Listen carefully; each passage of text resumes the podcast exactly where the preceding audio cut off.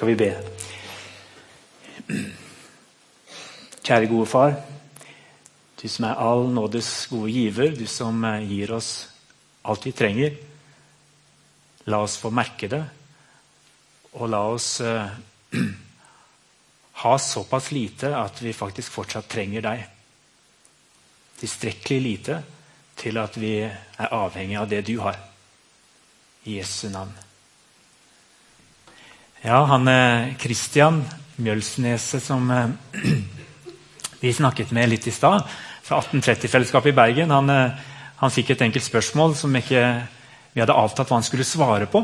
Men han eh, koblet automatisk denne litt paradoksale sammenligningen mellom butikken 'Enklere liv' og dette temaet i dag 'Leve enklere'.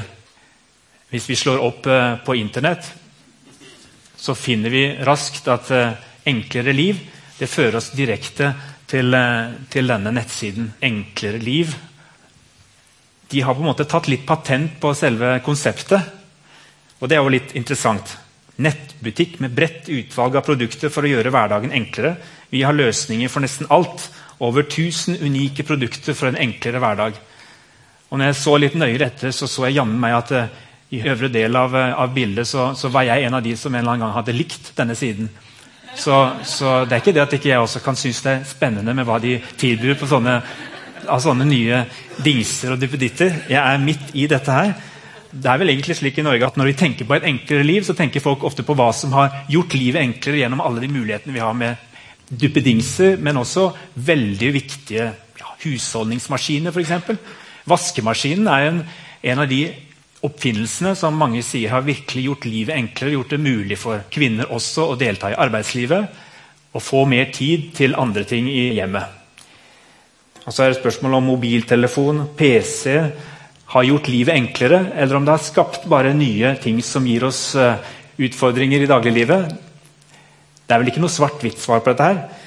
Men uh, denne uka så, det var et forskningsrapport fra Sverige som kanskje ikke slår til, men som sier at halvparten av dagens jobber blir unødvendig innen 20 år.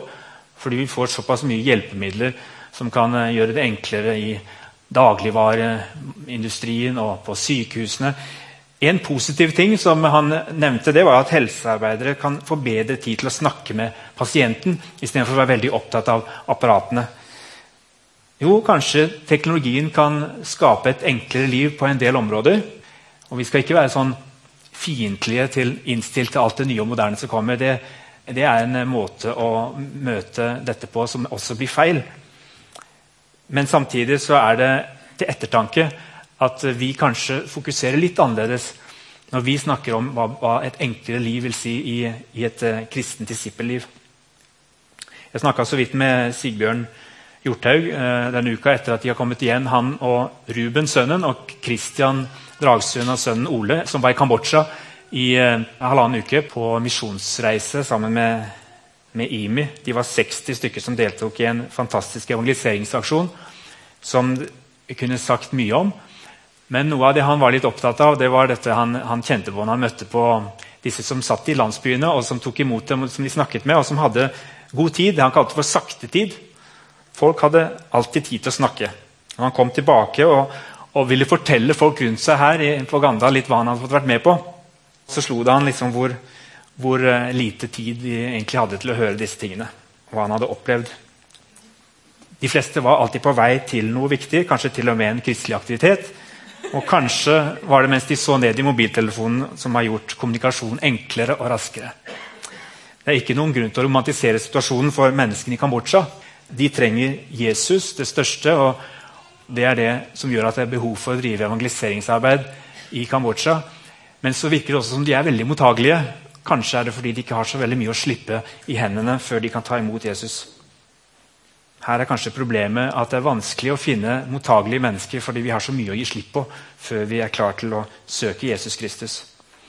Og Dette med alle tingene og mulighetene som det har gitt oss, distanserer oss også fra skaperverket på mange måter. Det gir oss kanskje en følelse av at det er vi som har kontroll over krefter som vi kanskje ikke har. Så hva betyr det så å leve enklere? Noen få ting om dette kommer vi inn på i dag. Men jeg bare tar utgangspunkt i en setning fra korsveibevegelsens lille røde bok. Det er de som har disse fire veiviserne. Og Da er det en liten setning som jeg festa meg med. Enkelhet det er en langsom avskallingsprosess rundt en kjerne av glede. Enkelhet er en langsom avskallingsprosess rundt en kjerne av glede. Vi lever i en tid som lesser oss ned, sier de. Våre fotspor på jorden er blitt tunge og store. Vi tråkker ned den fattiges åker, tømmer havet og ødelegger jorden. Forbrukerkulturen frir til vår frykt og vår grådighet. Den spiser seg inn i vårt selvbilde med sine lokkedrømmer. Den fyller vår tid med inntrykk og tapper den for nærvær. Vi forføres til å bekjenne at det er det vi eier, som gir livet. Jeg er redd for at dette er kanskje noen av de viktigste profetiske ordene inn i vår tid. Og Derfor må det gjentas, selv om mange av dere sikkert opplever at dere har hørt det før. og at ja, ja da. Det er kanskje ekstra vanskelig når det ikke er så lett å peke på andre som sliter med den utfordringen, men når det rammer oss, de aller fleste av oss som, som lever midt i dette samfunnet. Men Derfor må vi også gjenta det. Fastetiden den er en tid for å hjelpe oss med en langsom avskallingsprosess. Der målet er at vi søker Jesus Kristus og gjennom det også finner hverandre tilbake og finner skaperverket vårt og tar vare på det. Teksten for, eh, for skaperverkets dag, som vi har valgt å hente inn på denne dagen i eh, arbeidet vårt med semesterheftet, det er denne historien som finnes i flere av evangeliene om Jesus som metter 5000 ved hjelp av fem brød og to fisker. Og Den har vi hørt så mange ganger at vi lurer på har den fortsatt noe å, å gi oss. Det er en fortelling som mange av oss har hatt med oss hele veien. Og jeg synes Den er en fantastisk vakker fortelling, og jeg tror kanskje mer enn noe annet så, så er det undervisning Jesus holder på med her.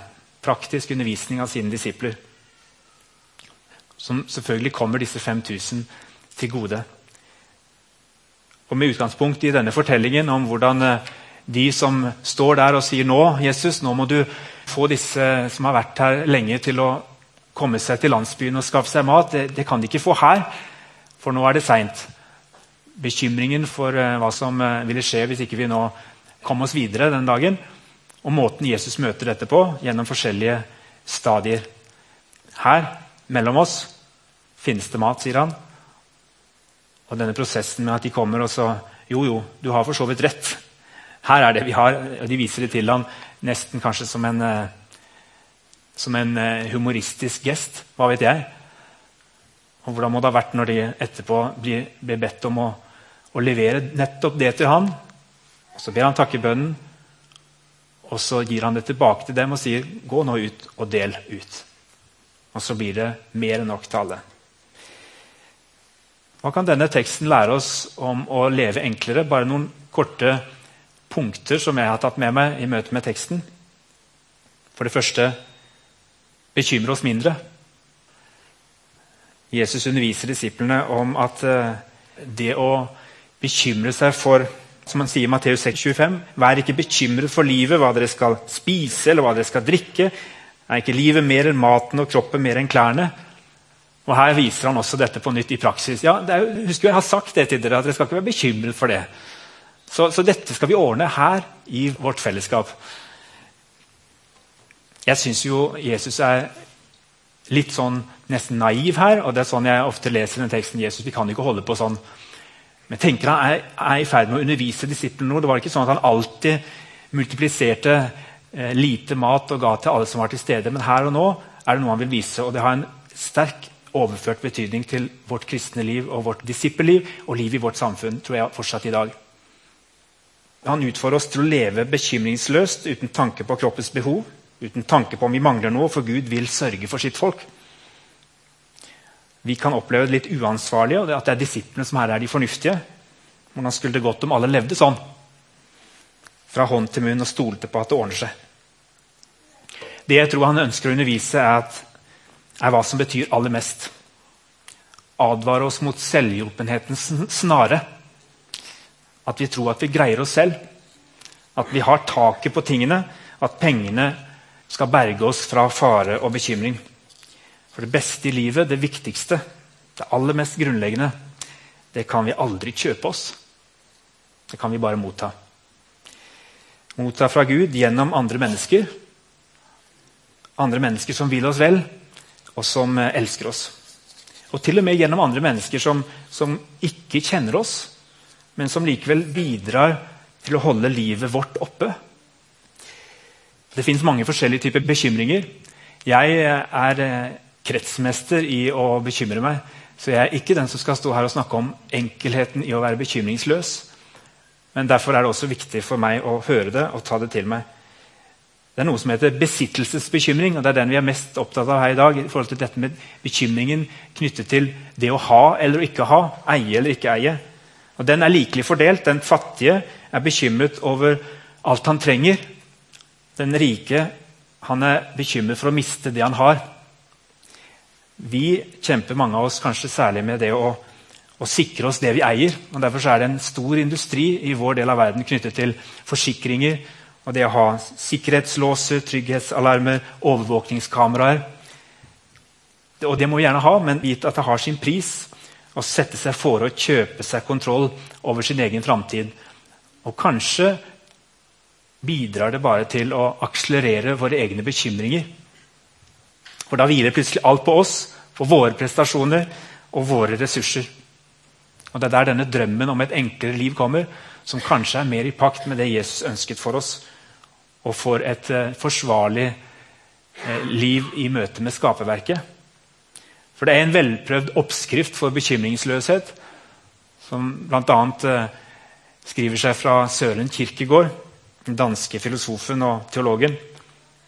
Han sa at det handler om å leve som ansvarlige forvaltere. At livet er til låns. At alt vi har, kommer fra Gud og går tilbake til Gud. I dette så er det nåde, bekymringsløshet og ansvar på samme tid. For vi stiller til rådighet det vi har fått utdelt, og ber Jesus om å velsigne det. Dermed så gjør vi oss avhengig av Gud og fellesskapet. Og det er kanskje en vei til større grad av bekymringsløshet. Og Det andre som jeg henter ut fra punktet som jeg kan hente ut fra denne teksten om det å leve enklere, det er det å klare seg med lite, og da å være fornøyd. Enkelhet det er en eh, langsom avskallingsprosess, hørte vi. Og det sier jeg og kaster sikkert stein i det glasshuset som, eh, som vi har foran den lille hytta vår som vi har fått bygget på Moi. Klare seg med lite. Kan man ha en, en hytte i dag og samtidig si at dette budskapet det er viktig også for oss. Det måtte være at vi reiser dit for å klare oss på et lite areal og komme nærmere naturen. Redusere aktivitetene og det travle programmet og ha familietid.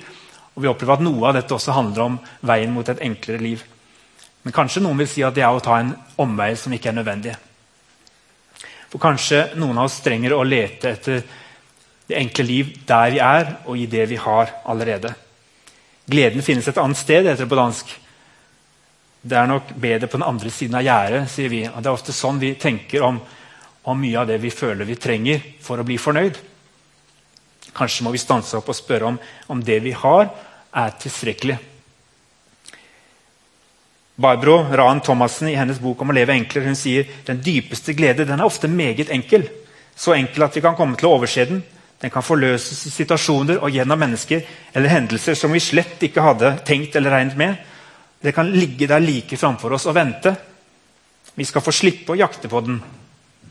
Slippe å dra til de andre landsbyene rundt oss for å finne det. For å bli fortellingen. Og da unnslipper den. Men den kommer gjerne til oss av seg selv, ganske ubedt, i det øyeblikk vi er klar til å ta imot. Så ligger det noe visdom her.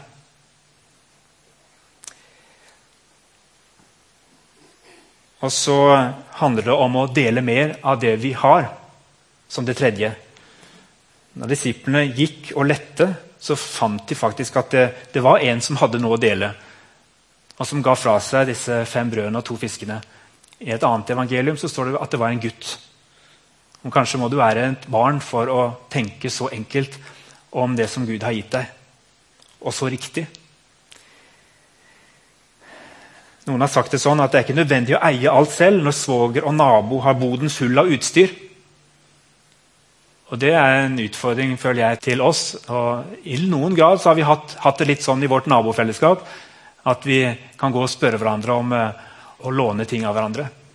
Det å bli kjent med naboene og kanskje utfordre litt på om det er noen av de tingene som en har ute i garasjen eller i, i boden som uh, vi kanskje kan uh, dele på, det er en spennende sak.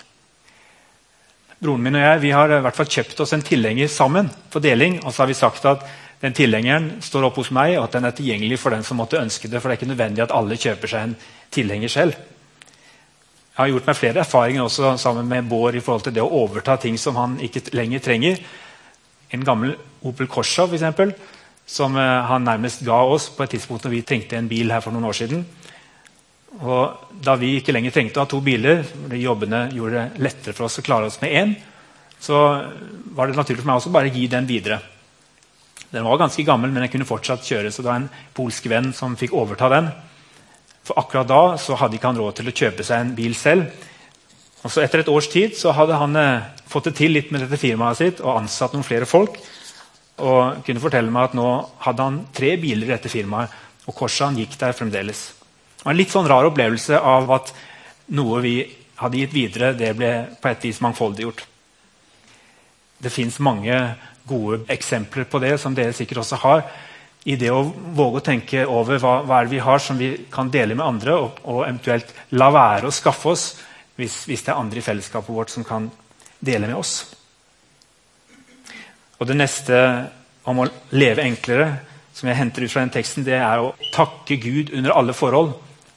Dette med takknemligheten. Det er det Jesus gjør før noe som helst under har skjedd. Så tar han imot disse fem brødene og de to fiskene.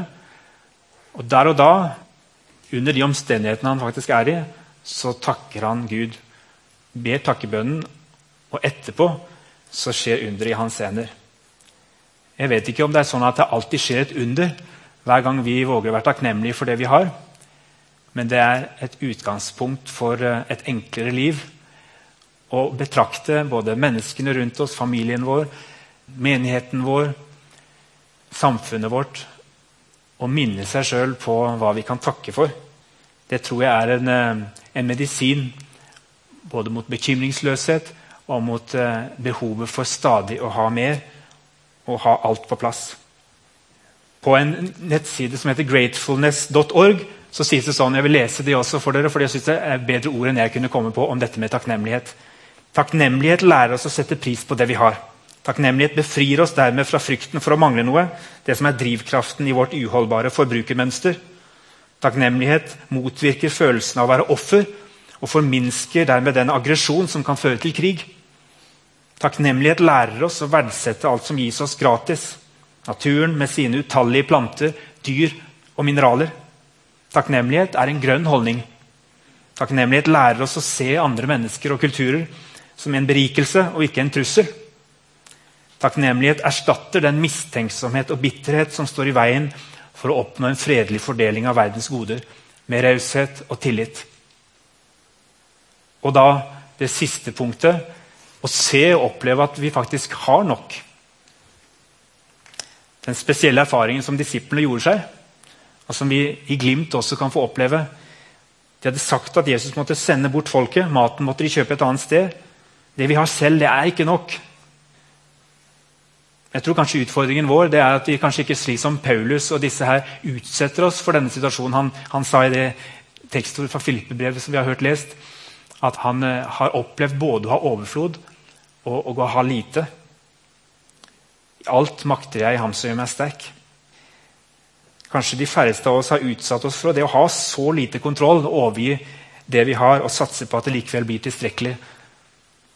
Men eh, hvis vi har fått gjort det i perioder, og kanskje livet har satt oss i den situasjonen at vi har vært nødt til det, så tror jeg mange vil kunne vitne om og fortelle om hvordan denne opplevelsen av å ha for lite også kan lede til en større avhengighet og opplevelse av velsignelse. At Gud blir større. Kanskje fastetiden kan hjelpe oss. Noen velger å øke tienden eller misjonsofferet sitt i fastetiden bare for å utfordre tilliten til Gud. Enkelhet er en langsom avskallingsprosess rundt en kjerne av glede. Når skallene brister, vil det smake av tap og død, men den som mister sitt liv, skal finne det. Enkelhet det kan også være å be enklere. Og jeg avslutter med det. Ikke bare forenkle vårt forhold til alle tingene vi har rundt oss, men også kvitte oss med unødige tanker, for av og til så trenger vi å bli minnet om det enkle også i vårt åndelige liv. Se vår tilhørighet. Gud er vår dypeste identitet, midt i alle våre omskiftelige omstendigheter. Og En enklere bønn det kan være f.eks. Jesus-bønnen fra 300-tallet. Abba Makarios, en av ørkenfedrene, han sa det sånn Det er ingen vits i å kaste bort tiden med lange bønner med mange ord. Si bare 'Herre Jesus Kristus, Guds sønn, forbarm deg over meg, en synder'. Eller, som han sa, hvis du ikke orker si så mye, si bare 'Herre, frels meg'. Og det er nok. Kjære himmelske Far. Vi rekker våre hender frem som tomme skåler. Kom til oss, Gud, og gi oss liv fra kilder utenfor oss selv. Hjelp oss til å ta vare på skaperverket som du har gitt oss, og til å lete etter den balansen mellom det tingene kan hjelpe oss med, og teknologien som trengs for at livet faktisk kan bli enklere, og vi kan få mer tid både for å dyrke fellesskap og ta vare på den jorda, jorda, du har gitt oss, og fremme livet. Men også til å få hjelp til å leve et liv der vi kanskje også kan slippe noe av vår avhengighet til alt dette når det kommer i veien mellom deg og oss og vår avhengighet til deg. Takk for det du vil gi oss, og hva dette betyr i den enkelte av vårt sitt liv våre sine liv. I Jesu navn. Amen.